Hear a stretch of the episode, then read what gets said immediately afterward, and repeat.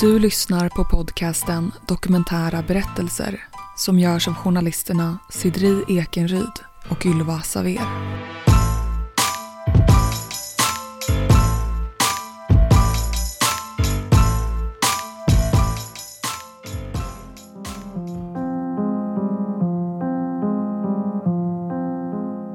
Var sjätte timme tar någon sitt liv i Sverige. Det är ungefär 1500 personer om året och siffran har legat stabilt de senaste tio åren. Man brukar säga att svenskar är ett ganska ensamt folk. Att man eh, inte är så bra på att dela med sig av sina tankar. Man är väldigt inriktad på att klara av saker och ting själv. Det är väl eh, mellan 10 och 15 000 självmordsförsök per år. Och sen då så är det ju då runt 1500 som lyckas att ta sitt liv. För att ge den här statistiken ett ansikte ska de kommande två avsnitten handla om Cecilia. Hon avslutade sitt liv den 30 oktober 2012 och kvar lämnades, förutom hennes man och två barn, pappa Leif och lillebror Niklas. Det, det, vi pratade med henne varje dag. Ställde frågan hur mår du varje dag. Fick alltid svaret allt är bra. Det var då hon vart mest att hon inte ville gå ut så mycket och när jag föreslog att vi skulle kanske gå och ta en drink efter bio, nej det ville hon inte för då vart hon väldigt folkskygg. Eh, så.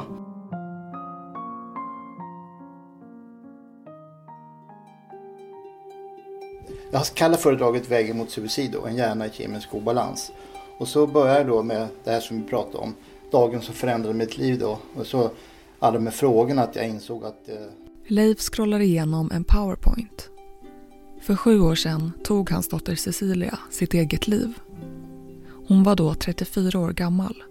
Och sedan dess har Leif ägnat sig åt att försöka förstå varför. Idag håller han föreläsningar om hjärnans kemiska struktur och kopplingen mellan Cecilias diabetes typ 1 och depression. Cecilia hon eh, var ju en eh, glad, öppen person och eh, väldigt kreativ. Redan från när hon var liten då så var hon ju väldigt kreativ. Och hon var duktig i skolan kämpa på jämt, liksom, gav aldrig upp. Något läge och kämpa, kämpa. Men sen så inträffade en sak när hon var, hon var sex år gammal. Då så fick hon eh, en allvarlig eh, bukspottkörtelinflammation. Alltså vad heter det? Pankreas heter det. Inte bukspottkörteln, det är sockersjuka, men pankreas. Och, eh, och den här blindtarmen då, då eh, också då, då den eh, den eh, blev ju då infekterad som låg tre veckor på sjukhus. Fick en väldigt kraftig inflammation i, i, i kroppen då. Hade över 40 feber. Och det var så hög feber så att eh, sjuksköterskorna som tog tempen på henne sa nej det är fel på tempen. Kastade temperometern. Fick ta om och upptäckte att det fortfarande var 40,5. Den där perioden när hon fick den här kraftiga inflammationen i sin eh, kropp då den gav sedan upphov till diabetes vid 11 års ålder.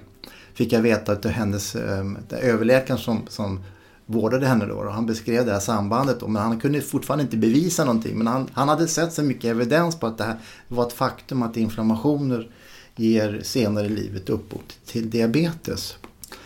Och eh, det gjorde det vid 11 års ålder. Och eh, då så eh, när hon var eh, 11 år eh, gammal där då. Det var ju naturligtvis tre veckor på sjukhus igen då. Andra sessionen där från när hon var 6 år till och så 11 år igen då. Och då fick vi ligga inne där med henne på sjukhuset och lära oss allt med diabetes och sånt. Men vad vi inte visste då, det var hur mycket den här diabetesen kom att påverka henne.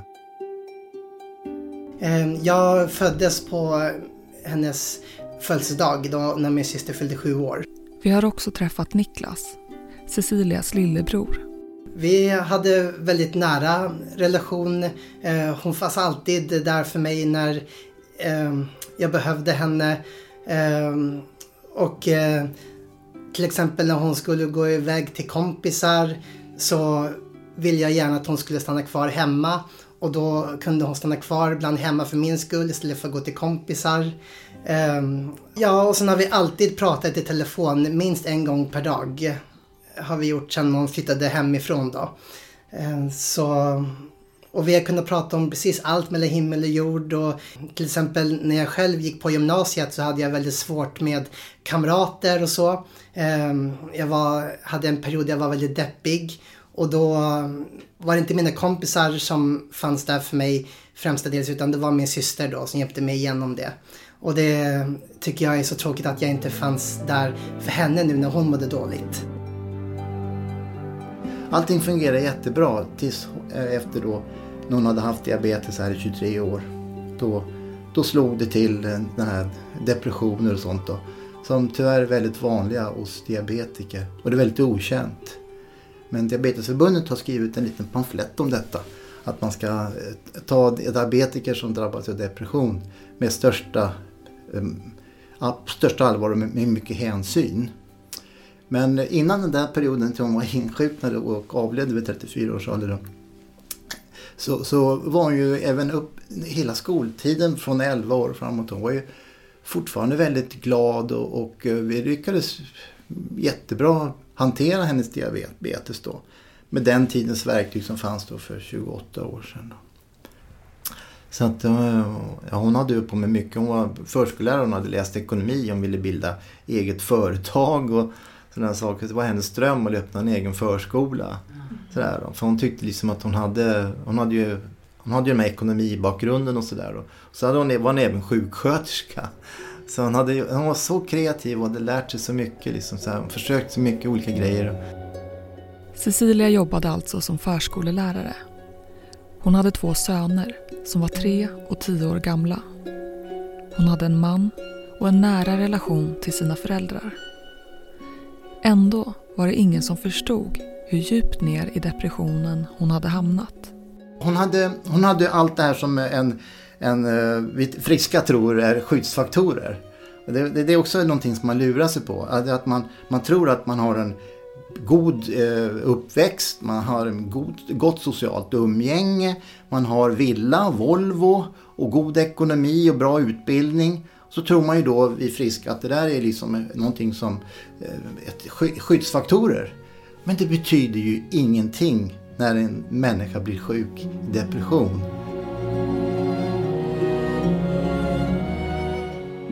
Vi lever i ett samhälle där vi inte har någon värdegrund.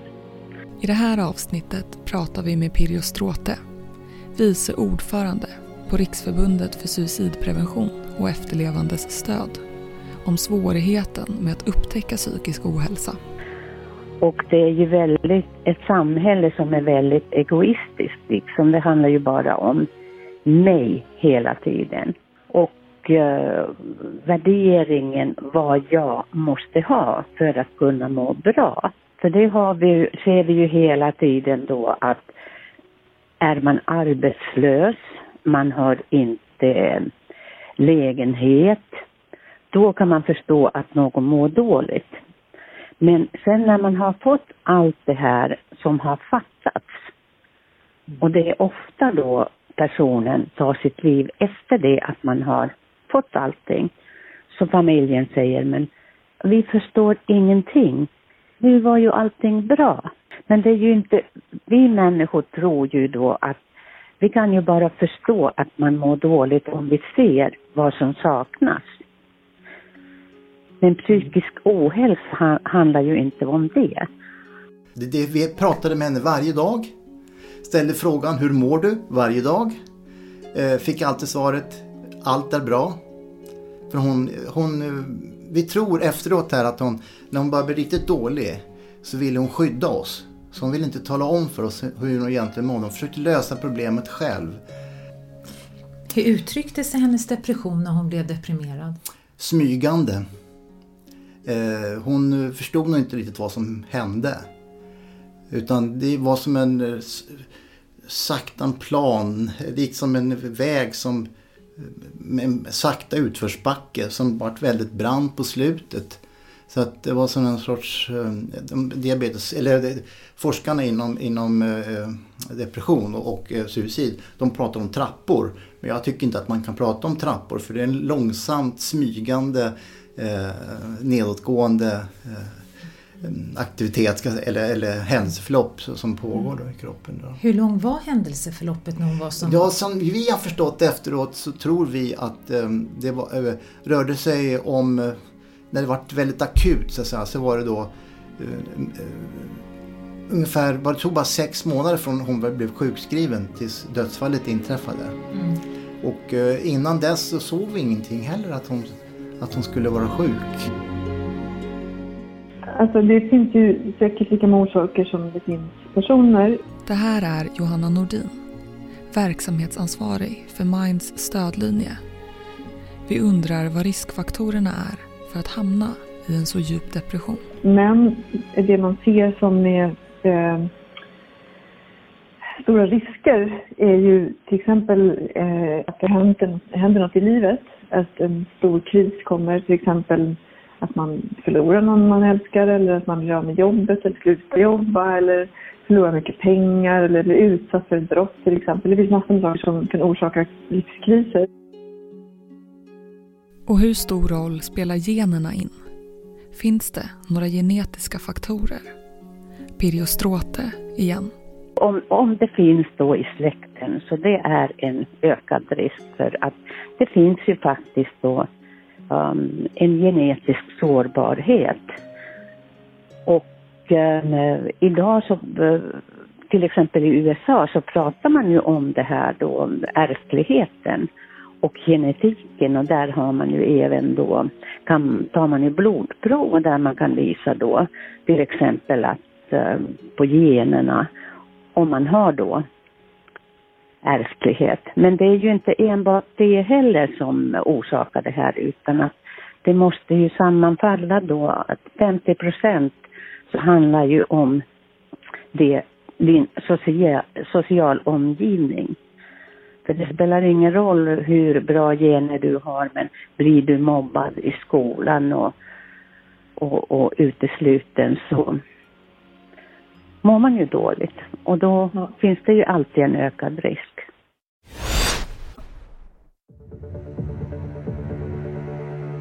Det var då hon vart mest att hon inte ville gå ut så mycket och när jag föreslog att vi skulle kanske gå och ta en drink efter bio, nej det ville hon inte för då vart hon väldigt folkskygg.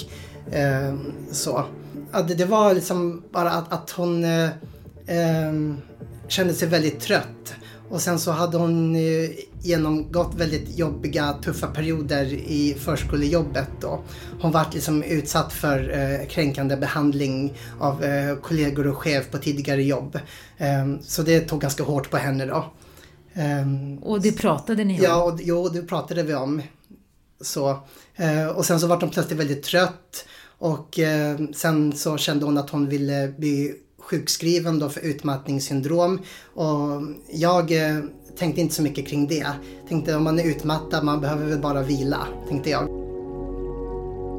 Vid den här tiden börjar Cecilia köpa alkohol i hemlighet.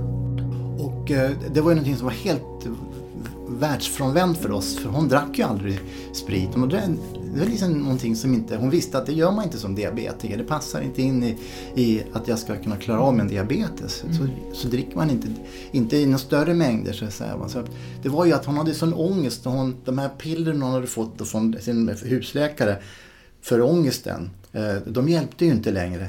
Utan för de, de, har ju, de har ju, tyvärr så är det ju så att de, man måste ha mer och mer för att de ska ha effekt de här, eh, eh, vad de nu har för namn. Mm.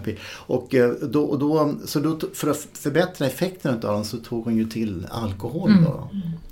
Och hennes man, hur märkte han av det här då? Han, han märkte att han, han hittade gömda äh, äh, alkoholflaskor med, med sprit och med likör och sånt. På, instoppade i linneskåp och sånt där så han liksom, vad håller du på med för någonting? Han förstod ju inte heller, för de, prat, de pratade väldigt mycket men, men aldrig liksom att det var på något sätt så här illa som han upptäckte att det var då de sista tre veckorna. Vi såg aldrig någon glädje i henne på slutet, för jag såg mer att eh, hennes ögon hade slocknat. Man, man, man, ungefär som, ja, man såg att det var någonting som var väldigt fel och sen så kom det sådana konstiga budskap sista dagen. Vi råkade nämligen bo, vara hemma där över helgen, sista helgen hon levde. Så var vi faktiskt, eh, sov över mellan lördag och söndag för min son skulle ha fest hemma i vårt hus. Och, eh, och då märkte jag att hon satt med en, eh, en, en, en filt runt och frös. Och jag tänkte, men sådär, det där såg inte bra ut. varför, sitter ni, varför sitter du med filt runt? Det är ju varmt där inne.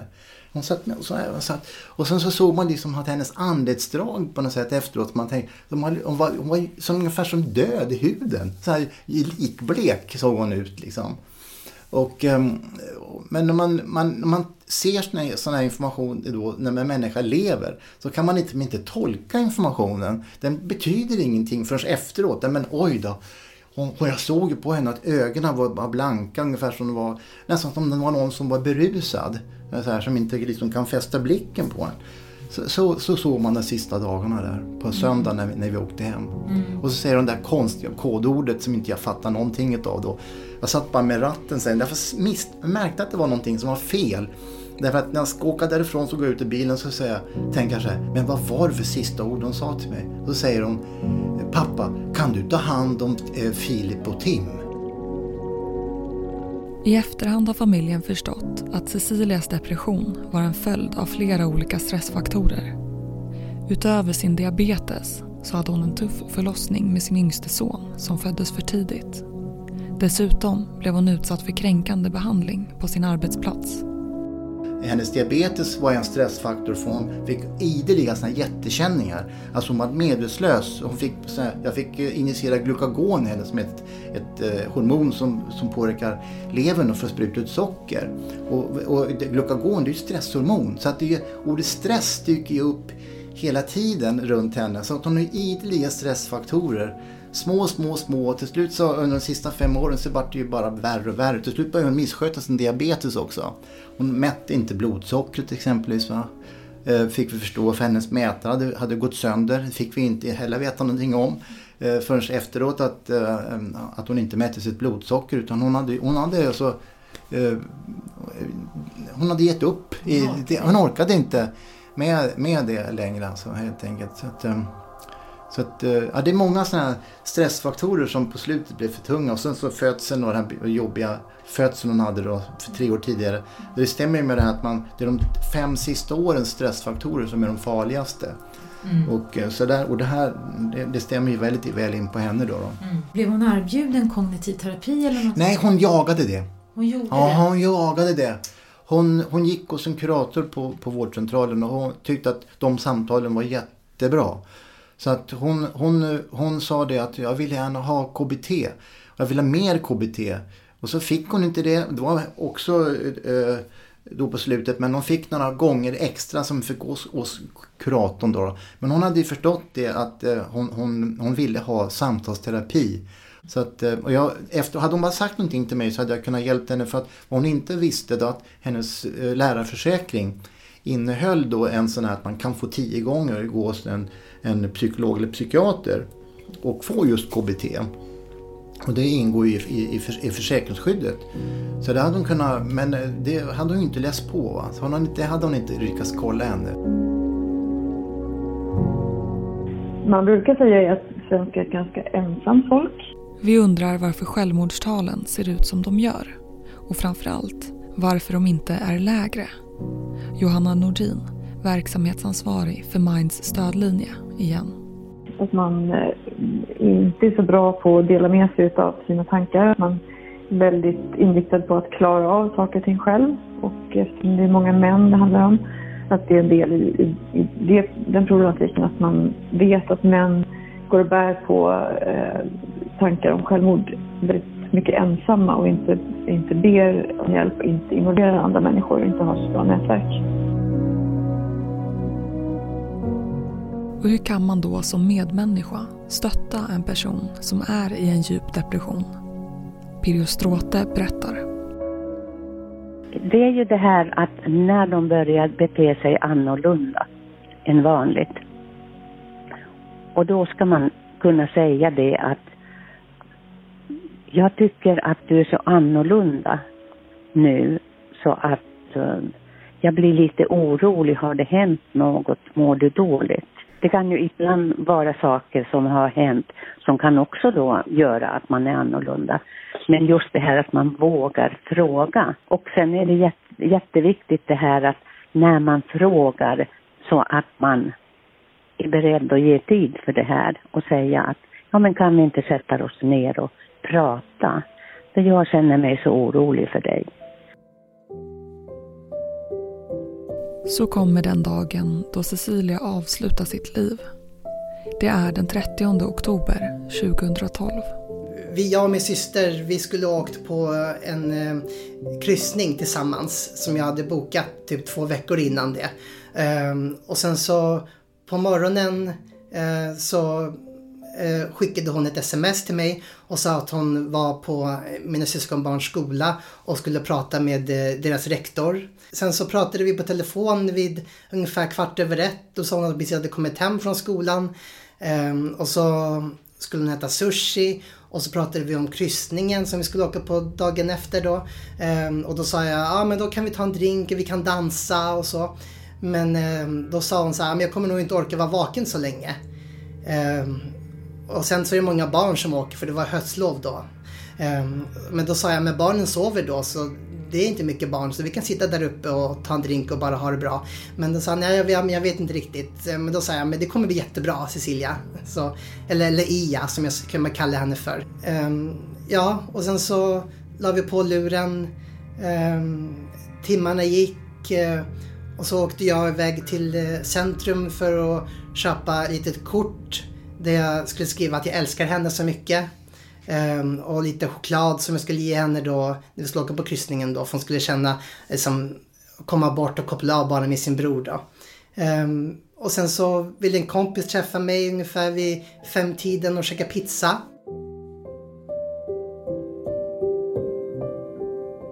Jag skulle då uh, ut och käka middag med mina arbetskamrater. Och uh, så jag tänkte att jag skulle ringa till henne och tala om att eh, jag hade hittat en bil till dem som var mycket bättre när de hade till ett bra pris. Det var grannen min som skulle sälja sin bil. Så när klockan var fyra på eftermiddagen så skulle jag ringa. Men jag bestämde mig för att inte ringa då för att det var så, jag var tvungen att snabba mig till tåget. Så att, nej, jag tar det lite senare. När klockan var eh, vid sextiden där när jag var ute och käkade, var ja, kanske lite mer då, då eh, bortåt sju. Så ringer, eh, sitter jag på restaurangen och så, eh, eh, jag har stängt av min telefon. Men eh, helt plötsligt så kommer det en, en person från, eh, från restaurangpersonalen och frågade och, och efter mig. Eh, om jag, om jag, för han hade, hade då min syster i telefon. Och då så undrar jag ju, eh, vad, vad, vad, nu då? Ett telefon hit från min syster på den här restaurangen. Det liksom gick ju inte ihop då. Hon bara säger till mig, åk hem, skriker hon. Vad är det som har hänt, säger jag. Det är Cecilia, du måste åka hem. Jaha, men vad, varför, vad, är, vad är det då för någonting? Jag säger inte vad det är. Åk hem. Du får veta när du kommer hem, men åk hem. Um, och så gjorde vi det då när klockan var runt vid halv sex. Uh, så tittade jag på min telefon. Då hade min mamma försökt att ringa mig två gånger, men jag hade inte svarat. Uh, och så ringde jag upp henne då och då säger hon, ja men eh, Cecilia har tagit livet av sig. Eh, och då bryter jag bara ihop totalt då. Så springer jag ut från restaurangen och sätter mig mitt eh, på golvet i Hallunda centrum. Massvis med människor runt omkring. Jag bara sätter mig ner och jag skriker rakt ut och jag gråter och gråter. Eh, och min kompis kommer ut och frågar vad är det som har hänt Niklas? Hur är det fatt? Och så. Och säger bara hon är borta, hon är borta. Nej, nej, nej, nej, nej, nej, nej, säger jag bara. Um, ja, och sen så kommer det en um, vakt som jobbar där i centrum som um, frågar mig hur är det fatt? Och då säger jag bara att ja, min, min syster är borta, hon är borta. Så att jag satte mig i en taxi och åkte hem och där när jag kommer hem då till oss då, då kommer var i SOS där med pojkarna då. De hade åkt hem med, med pojkarna. För att de hade frågat då eh, Filip då som då var tio år gammal vart de ville åka någonstans. Ja, vi måste åka, vi åker hem till mormor och morfar i Tumba. Så då eh, var de där då. Och hennes man? Han var hos polisen han. För att eh, de gjorde ju en eh, väldigt noggrann eh, brottsplatsundersökning. Eh, heder till polisen. att de gör så noggrant. Alltså, så att det inte finns några frågetecken då, då eh, senare. Då, Så att han satt ju i förhör då. då. Så att det var ju en väldigt dramatisk situation för två småpojkar, tio år. Mamma åker iväg i ambulans, kommer aldrig hem mer. Pappa åker en polisbil åt andra hållet och så står två småpojkar, tre och tio år gamla tillsammans med SOS då, som var, var otroligt hjälpsamma. Men alltså det, vilket trauma som, som de måste ha upplevt. Alltså. Mm. Så att uh, vi hoppas att inte framtiden får uppvisa hur stor effekt den där traumat har på deras liv. Men... Det var på eftermiddagen. Cecilias man hade gått och hämtat barnen på fritids så att hon kunde vara hemma och vila. Och det var ju då inte eh, så bra. För att hon fick ett skov där. Eh, uppenbart då. För att var nämligen så att lill, lillpojken, eh, lilla Tim, som bara var tre år gammal, han hade problem med sitt prat, till tal. Han var, han var född för tidigt, tio veckor, så han hade lite, var lite sent utvecklad. Så hon hade köpt ett sånt här talpedagogiskt kit till honom och gått och hämtat det på, på posten.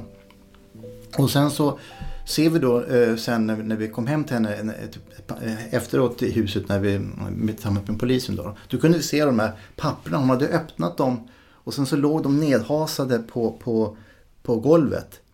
Så uppenbart liksom någon hade läst de där uh, för henne blev det ytterligare ångestladdat att, att försöka eh, läsa på hur hon skulle använda sig av det där talpedagogiska kittet. Då, för att nu var ju också hennes lilla son var ju också, um, hade då enligt hennes vy fått någon form av skada eh, på grund av eh, de här, att hon var född för tidigt. Då, då. För hon hade en väldigt jobbig förlossning då, med, med honom. Då, då. Så, eh, så, att hon, hon, hon, så det var ett, ett, ett ångestpåslag utav det där, stresspåslag. Att hon, hon kände att hon inte var förmodligen, kände sig inte tillräcklig som mamma. Och, och eh, jag tror det att, att det var en, en, sån stressfaktor som redan hade, som hade gått på då redan eh, de här månaderna efter födseln. Och framförallt när hon började märka att han inte liksom utvecklades som han skulle. Så, så lastade hon på sig det också då. För det är, det är ofta så att det, det, är flera stressfaktorer som adderas. Och till slut så kom, går man över en, en, en puckel där, där, där kortisolnivån aldrig går ner ordentligt.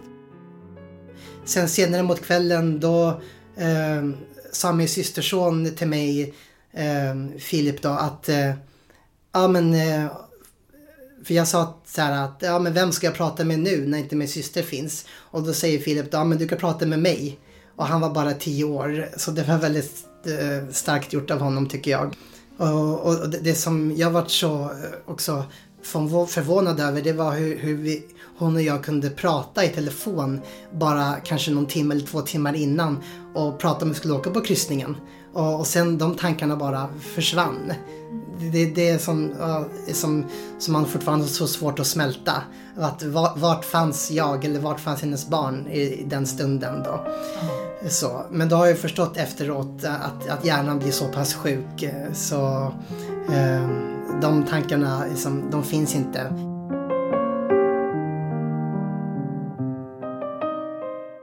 I nästa avsnitt. Ingen av oss människor är vaccinerade mot psykisk ohälsa. Vi såg ingenting när vi umgicks med henne på, på den där semesterresan vi gjorde heller. Alltså, det var, syntes inte något spår. Eh, vi kunde inte tyda någonting att det var något illa. Leif och Niklas berättar om hur de arbetat med sorgen efter Cecilias död och ger sina råd till andra i samma situation. Särskilt i tuffa situationer eh, um om det är något med jobbet som är jobbigt eller så. Eh, särskilt då hade det verkligen, man hade verkligen velat ha henne där då. Vill du komma i kontakt med oss som gör den här podden? Mejla till kunskapsstudion gmail.com